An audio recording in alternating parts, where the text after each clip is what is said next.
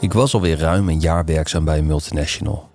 In het gigantische gebouw was de bovenverdieping gereserveerd voor de directie, met een apart kantoor voor de directiesecretaresse. Over de secretaresse wil ik het hebben. Nee, ik heb het hier niet over de zoveelste gewillige en hunkerende seksgodin die smachtend klaarstaat als er maar een vent in de buurt is. Ik noem haar hier Ellen. Het jaar is 1996. Ze is 20 jaar ouder dan ik. Zelf ben ik begin 30.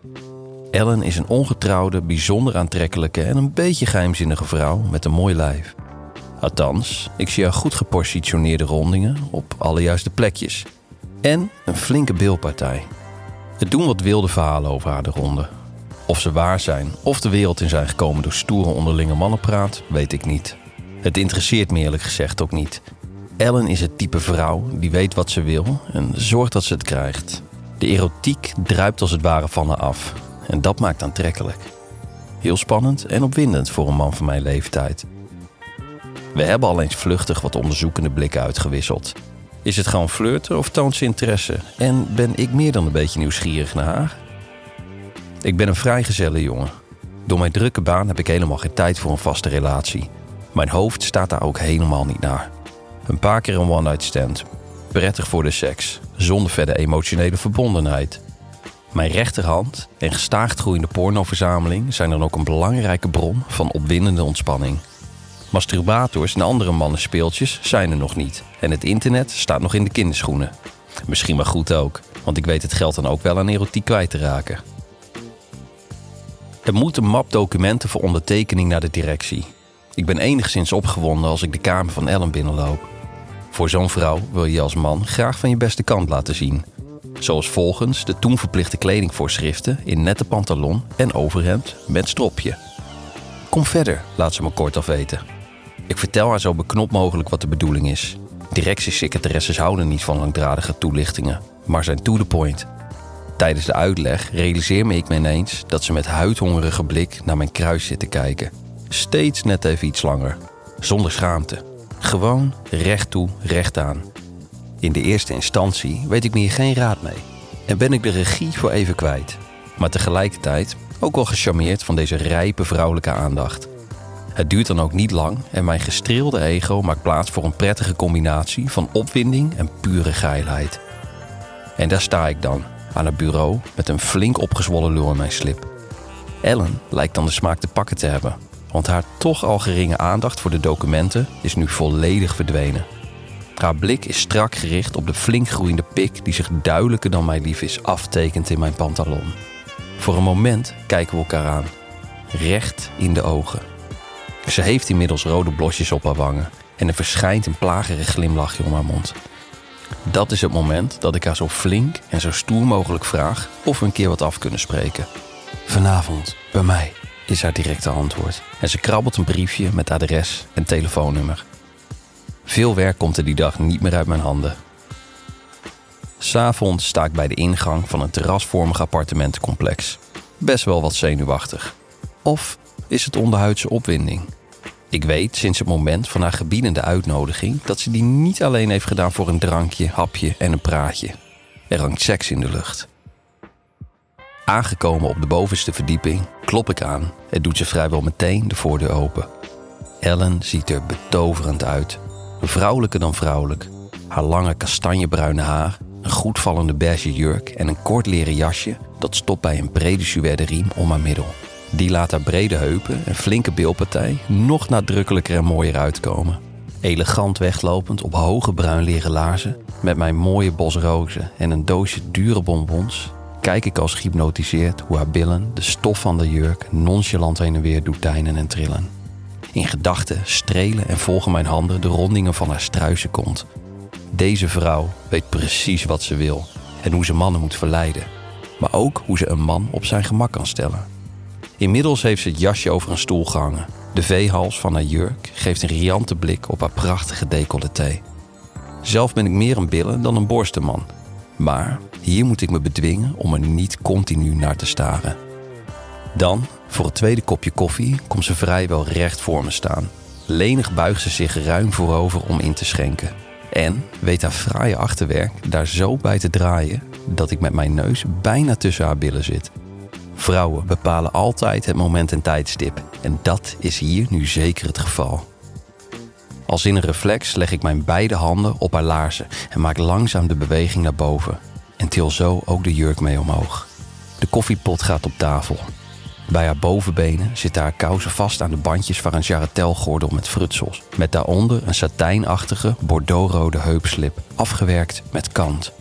Het lijkt wel een thong. Ellen neemt de jurk nu zelf in handen en trekt hem verder omhoog. Buigt nog wat verder voorover en leunt nu met haar handen op tafel. Ze zet haar benen wat verder uit elkaar en met een snelle draaibeweging van haar hoofd zwiept ze haar lange haar over haar rechter schouder. De adem stokt me in de keel. Man, wat een uitzicht. Twee volle billen en een thong die er niet helemaal in slaagt haar dikke schaamlippen volledig te bedekken. En dan de strak gespannen jarretelbandjes over haar wilderige billen. Ik leg een hand op haar heerlijke zachte wulpse kont en begin met mijn rechterduim rond en over haar schaamlippen te wrijven. Ik maak wat drukke en knedende bewegingen met de hand als ik tussen haar dijen heen en weer wrijf en zachtjes haar billen kus.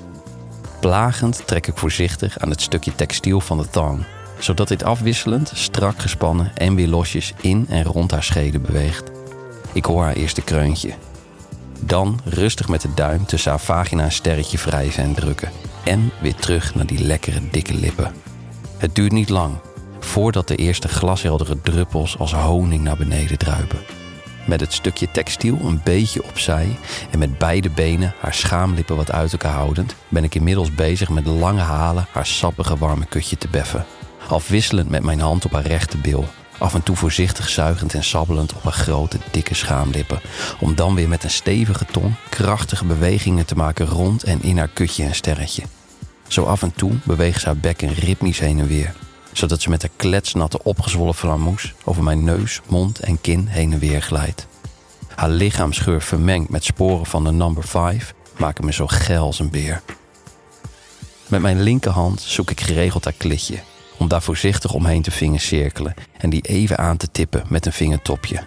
Haar kreungeluiden zorgen ervoor dat ik flink mijn best blijf doen om haar te blijven plezieren.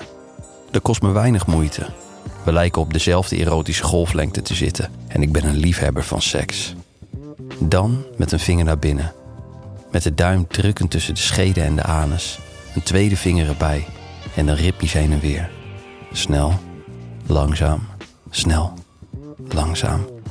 En nu in het goede ritme en voel de steeds sterker worden spieren samentrekken. Ik zit nu in het goede ritme en voel de steeds sterker wordende spiersamentrekkingen in haar vagina om mijn vingers heen. Ellen maakt aardig wat geluid als ze de eerste keer klaarkomt. Mijn lul houdt het dan niet meer uit. Ik voel het zaad langzaam verder omhoog kruipen. Ik moet echt even een time-out voordat ik deze eerste lading in mijn slip ga spuiten. Ellen voelt mijn onrust goed aan. Ze vraagt mij de rits van haar jurk naar beneden te doen. Met iets trillende handen en met een lange beweging gaat de rits naar beneden. Ze gaat weer helemaal rechtop staan, draait zich om, ontkoppelt de riem, trekt de jurk uitdagend omhoog over haar hoofd en gooit die van zich af. Daar staat ze voor me, in al haar schoonheid. Met de benen iets gespreid in haar bruin leren laarzen, met beide handen op haar bovenbenen. Haar mooie borsten gesteund door een pikante BH met kant waarin dikke tepelknopen door de doorzichtige stof heen priemen. Haar slipje volgt strak gespannen de ronde vorm van haar mooie lijf en is onderaan doorweekt door de combinatie van royaal vrijgekomen lichaamsappen en mijn gretige gelebber. Haar wangen zijn vuurrood en ze kijkt me begeerig aan. Wat een prachtlijf voor een vrouw van in de vijftig. Ze hurkt en gaat op haar knieën. Pakt mijn broekriem vast, maakt hem los, opent het knoopje en doet de rits langzaam naar beneden. Ze trekt de opening wat verder uit elkaar en leg dan een hand op het natte plekje in mijn slip waarachter een keiharde lul zit die werkelijk op springen staat. Ze trekt de opening wat verder uit elkaar en legt dan een hand op een natte plek in mijn slip waarachter een keiharde lul zit die werkelijk op springen staat. Afijn, die avond hebben we vrijwel het hele repertoire afgehandeld en hebben dat nog vaak herhaald. Ellen heeft mij veel geleerd over hoe je een vrouw moet verwennen en plezieren. En wist zelf ook alle variaties op een jonge heer. Het was een erotische verkennings- en ontdekkingstocht met ongedwongen seks. Na mijn vertrek bij het bedrijf en de verhuizing uit de provincie hebben we nog een aantal keren gepoogd om elkaar weer te ontmoeten. Maar het is er nooit van gekomen. Ik denk vaak terug aan mijn erotische belevenissen met Ellen, de directiesecretaresse. Onze avontuurtjes hebben bij mij het vuur voor erotiek in al haar vormen, verschijningen en activiteiten hevig doen branden.